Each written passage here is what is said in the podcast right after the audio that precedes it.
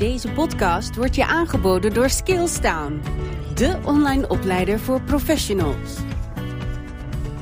Mijn gast van vandaag is Monique Dekker. Welkom Monique. Dankjewel voor de uitnodiging. Wat ontzettend fijn dat je even de tijd neemt om eh, te gast te zijn in deze Personal Branding podcast. Ik zou natuurlijk heel veel over je kunnen vertellen. Want je hebt een ontzettend bijzonder en uniek verhaal. Maar ik denk dat het leuker is als je zelf vertelt wat je precies doet en hoe je gekomen bent waar je nu bent. Ja, een hele mooie vraag en dank je wel daarvoor. Wat ik nu op dit moment doe, ik coach en train ondernemers in het maken van hun bijzondere verhaal, hun signature story noem ik dat, in relatie tot hun bedrijf. Dus hoe kun je nou jouw persoonlijke ervaringen linken, koppelen aan jouw bedrijf, zodat je je onderscheidt natuurlijk van anderen en zodat je een krachtig verhaal hebt waarmee je ook jouw ideale klant kunt aanspreken. En hoe ben ik gekomen om dit eh, te gaan doen? Nou, ik heb een financiële achtergrond. Ik ben meer dan 20 jaar financieel controller geweest een leidinggevende functie altijd. En wat ik daar toen al merkte was dat ik het heel fijn vond om met mensen te werken. Die cijfers waren leuk, maar de mensen vond ik veel leuker om te coachen en begeleiden. Dat heb ik altijd met heel veel liefde en plezier gedaan tot 2012. Toen kreeg ik een hersenbloeding en raakte ik halfzijdig verlamd. Waarna ik anderhalf jaar heb gerevalideerd en dus ook niet meer mijn carrière van vroeger door kon zetten. Gewoon omdat mijn lijf het niet meer wilde, maar vooral mijn hoofd wilde het niet. Dus toen dacht ik, ja, de enige manier om door te gaan, want ja, stilzitten is niks voor mij, is om voor mezelf te gaan beginnen. En dat was even een zoektocht van, ja, wat ga je dan doen? Weet je, waar ben je goed in? Wat vind je leuk? En ik vind zoveel dingen leuk. Ik kan ook aardig wat dingen goed doen. Maar waar ga je dan je brood mee verdienen? Nou ja, het, het, is een verhaal op zich hoor, hoe ik op dat punt gekomen ben. Maar ik kwam er in ieder geval achter dat ik volgens mij mensen wel kon leren hoe ze zichzelf beter konden presenteren. En toen ben ik de opleiding gaan doen tot professioneel presentatiecoach. Zo heb ik het eigenlijk ingezet en ben ik voor mezelf verder gaan uitdiepen van hoe ga ik me onderscheiden tussen al die andere presentatiecoaches. En hoe heb je dat gedaan?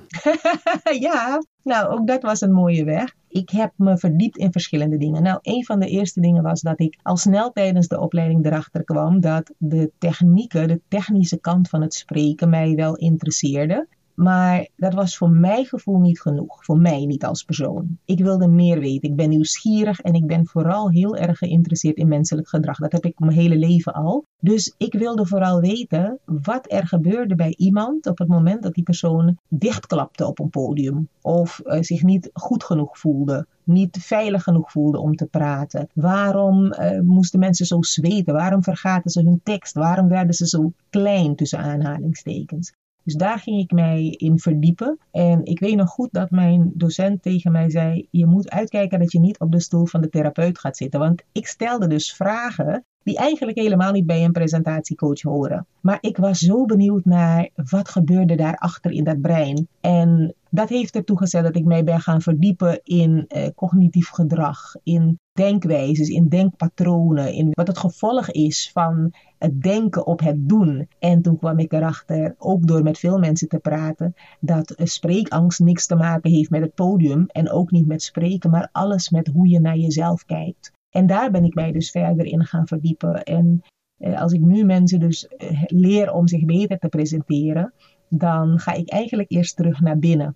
Dus we beginnen niet bij het blanke verhaal, zeg maar, aan de buitenkant, maar eerst naar binnen.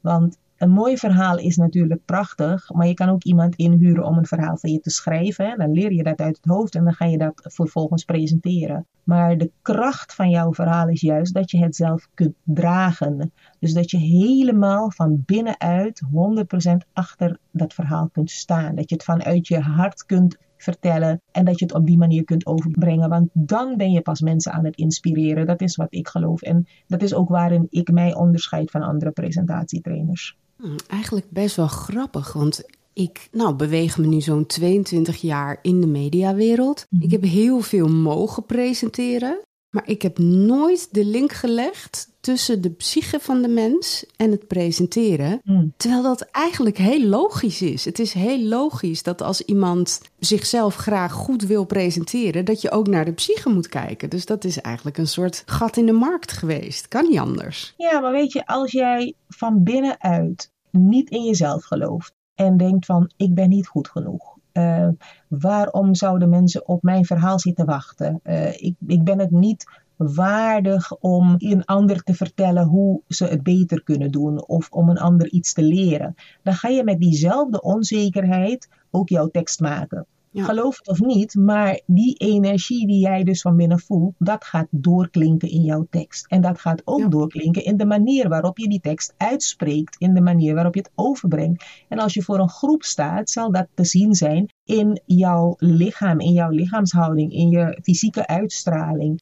En dat kan in een twinkeling van je ogen zitten. Maar het kan bij wijze van spreken te maken hebben met het feit dat jouw mondhoekjes wel of niet omhoog zijn. Gewoon omdat je voelt van binnen wat je vertelt. Dus er is zo een nauw verband. En mensen vragen mij wel eens van, ja, maar eh, moet ik dan dat hele proces door voordat ik een verhaal maak? Je moet niet, maar als jij bij de topsprekers wil horen, als jij echt bij de topinspirators wil horen en echt vol overgave en met volle overtuiging jouw ideale klant wil aantrekken, dan kan ik niet anders dan te zeggen van ja, daar moet het wel. Want weet je, het is een keuze, hè? het moet niet, maar dan krijg je ook minder. En hoe meer je van jezelf kunt leggen in jouw verhaal, hoe meer je dat verhaal van binnen kunt ervaren, kunt beleven en kunt koppelen aan je bedrijf, dus aan datgene wat je doet, hoe inspirerende de mensen je vinden. En ik krijg zo vaak te horen van klanten, ik heb wel ja gezegd tegen je traject, maar eigenlijk wist ik helemaal niet wat we gingen doen. Het is eigenlijk alleen maar een goed teken, want dan heb ik ze iets gegeven waarvan ze denken, dat wil ik. En dat is wat je wil. Ja,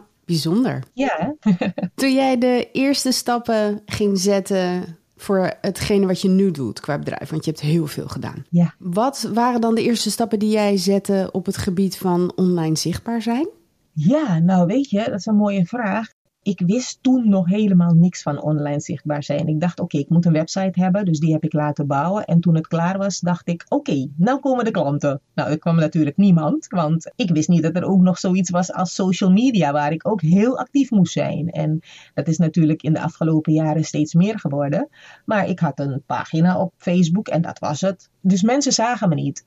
Ik was wel goed bezig, ik had wel een logo, ik had mijn kleuren bedacht toen ik dit echt ging doen, toen heb ik eigenlijk mijn eigen stijl ontworpen. Ik hou van glitter en glamour. Daar hou ik van. Ik hou van hoge schoenen. Ik hou van mooie kleding, chic. En dat vertaalde ik ook zo naar mijn website bijvoorbeeld. Met als gevolg dat mensen tegen me zeiden: Ik wil wel met je werken, maar ik heb het gevoel dat je te hoog gegrepen bent voor me. Oh. En dat baseerde ze alleen maar op wat ze zagen op mijn website. Prachtige glamourfoto met uh, glitters en, en goud.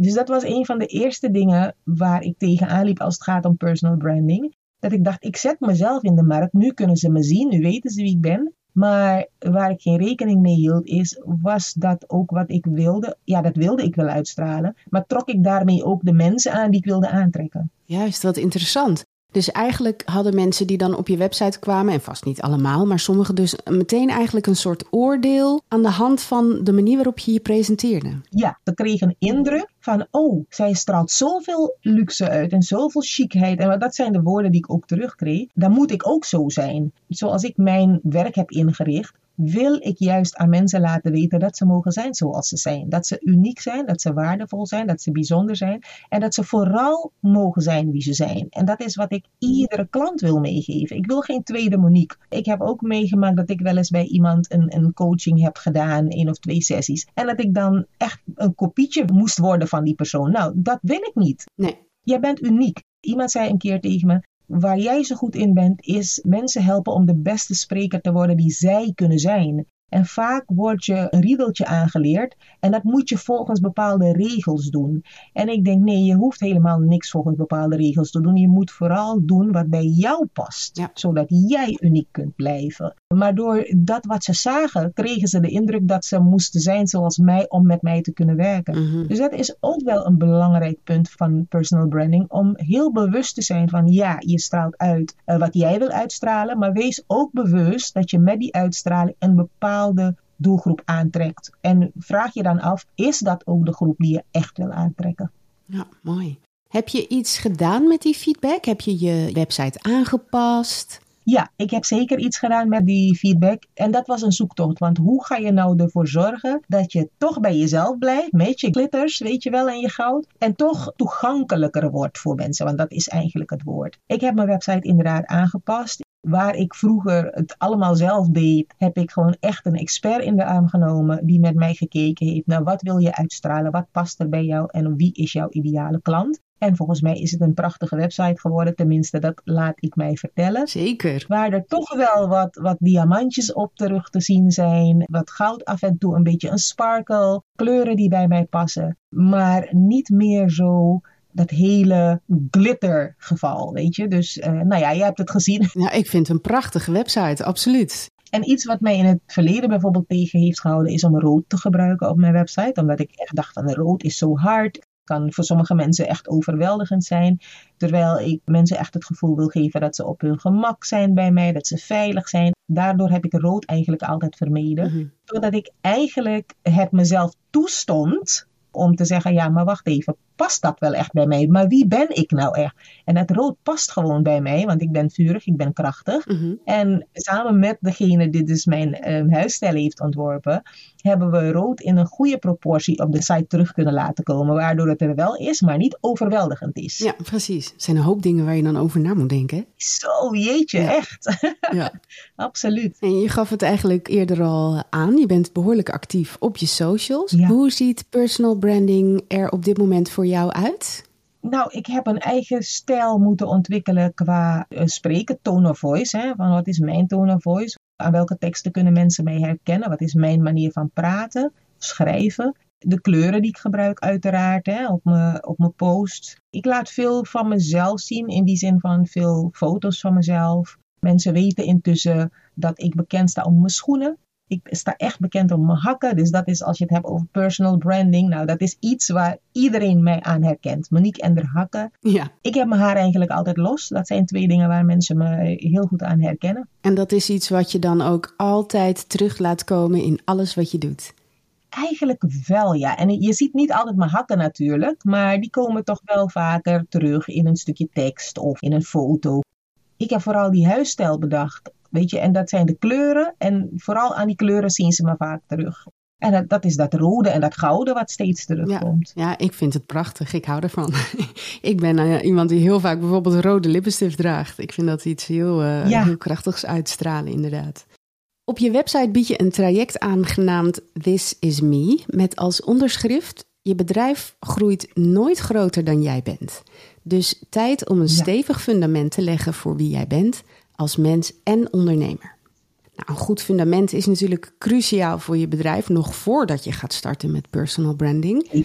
Hoe doe je dat dan? Hoe leg je een goed fundament voor je onderneming? En dan kom ik dus weer bij het stukje verhaal. En dan gaat het nu niet over de storytelling naar buiten toe, maar het gaat over het verhaal wat je aan jezelf vertelt. En voor mij begint daar de basis van jouw bedrijf, de basis van wie jij bent.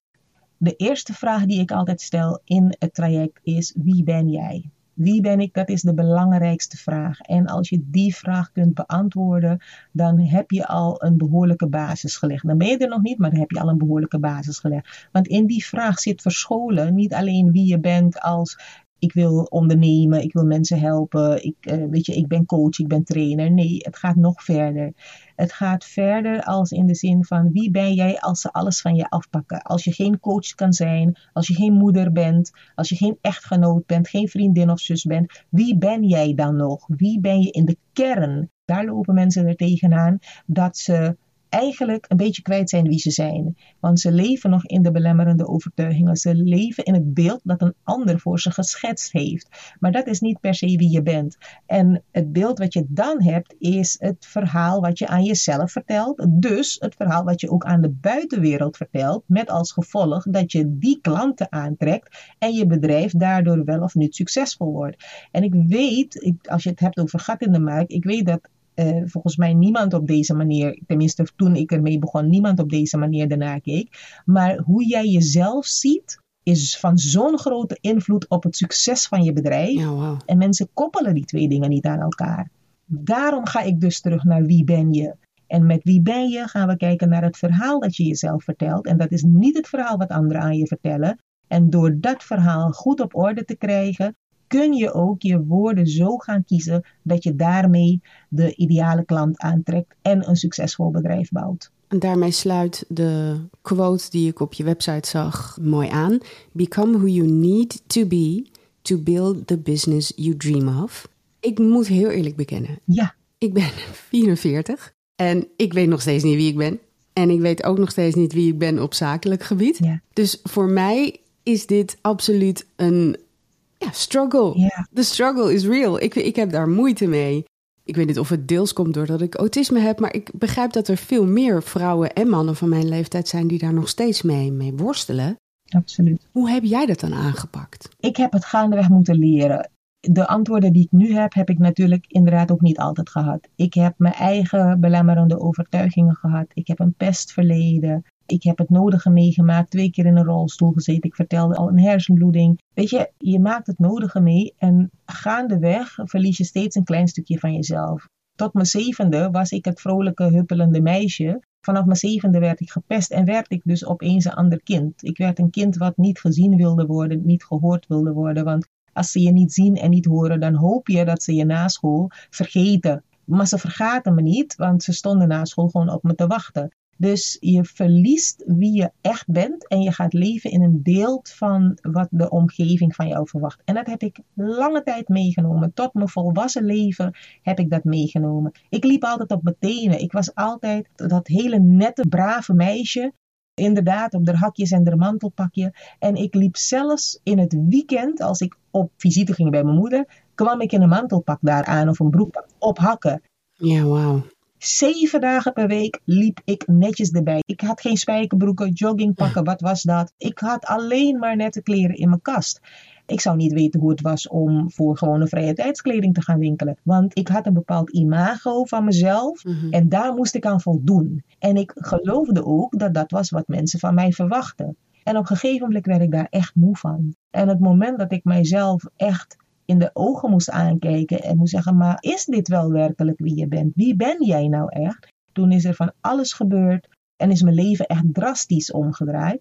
En ik ben nog steeds wel heel dankbaar dat ik die stap heb kunnen zetten. En helaas had ik daar geen hulp bij, want in die tijd hadden we geen coaches en trainers. Je werd doorverwezen naar een psycholoog en je werd alleen doorverwezen als het ernstig genoeg was. Ja. Of je had een maatschappelijk werker, toch zo'n bedrijfsmaatschappelijk werker. Mhm. Maar dat was het. Daar moest je het mee doen. Dus ik had geen coach of mentor of wie dan ook. Ik ben niet blij dat ik die dingen heb meegemaakt, maar ik ben wel dankbaar voor het gereedschap wat die dingen me hebben gegeven, zodat ik nu andere mensen kan eh, helpen. En zou je kunnen stellen dat misschien juist doordat jij het allemaal zelf hebt moeten uitvogelen, zonder een coach en zonder iemand die de juiste vragen stelt, dat jij daardoor weet welke vragen je moet stellen aan mensen die bij jou komen? Ja, dat weet ik zeker. Ik weet zeker dat dat het geval is, want ik heb het zelf moeten uitvinden. Ik heb al die processen moeten doorlopen. Ik heb mijn hoofd tien keer geslagen. Ik heb vijftig keer dezelfde fouten gemaakt. Ik ben honderd keer gevallen en ik ben 200 keer opgestaan. En ik ken dat proces door en door en door. Dus bijna niets is mij meer vreemd als iemand bij me komt met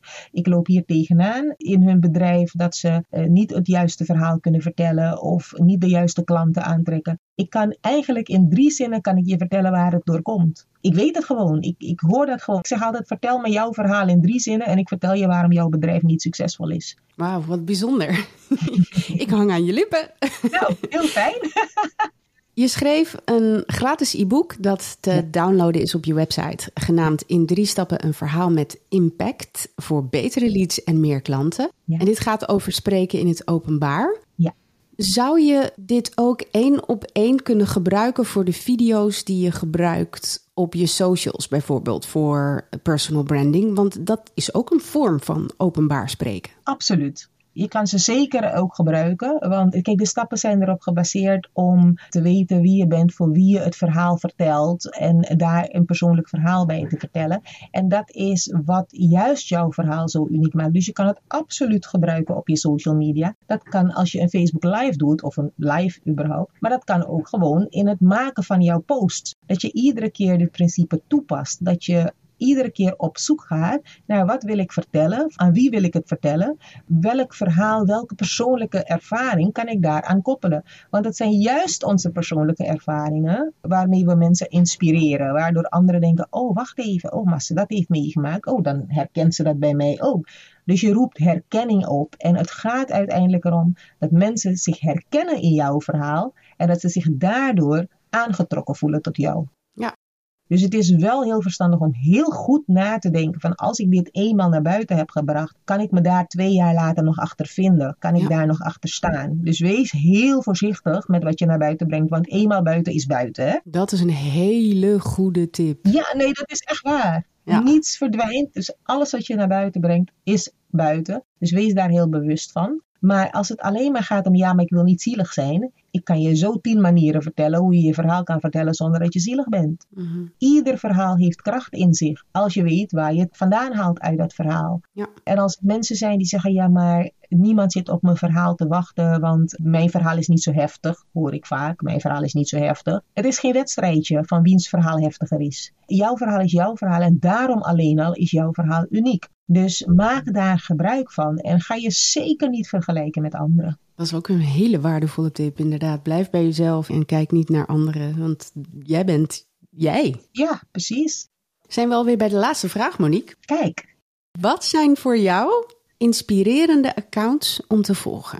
Ja, weet je, het zijn er een heleboel, want er zijn heel veel interessante mensen natuurlijk op alle kanalen. Maar als het gaat om personal branding, dan zijn er twee accounts die ik wel volg. Daarvan is eentje Nicolien Viri, die doet echt personal branding en haar pagina heet volgens mij Be Your Brand. Ja, at beyourbrand underscore bij Nicolien met I-E-N. Juist, tijdwinst met Elise, of tijdwinst voor visuele content, Elise Visser. Die zorgt er echt voor dat je consequent en consistent, noemt ze dat zelf, op social media zichtbaar bent. Dus dat gaat om, om dat zichtbaar zijn. Wat wil je uitstralen? Wat past bij jou? Wat wil je uitstralen? Wil, moet het chic en strak of moet het juist speels? Nou, daar helpt ze je bij. Dus het is in dat opzicht, als het gaat om personal branding, zijn dit twee mensen die ik heel goed volg. Ik hoor heel vaak ondernemers zeggen, als ik ze vraag waarom ben je gaan ondernemen? Ja, ik wil vooral meer vrijheid hebben. Weet je? Het is lekker dat je je eigen tijd kunt indelen. Nou, ik weet het niet. Ik heb volgens mij nog nooit in mijn leven zo hard gewerkt als sinds ik ondernemer ben. Dus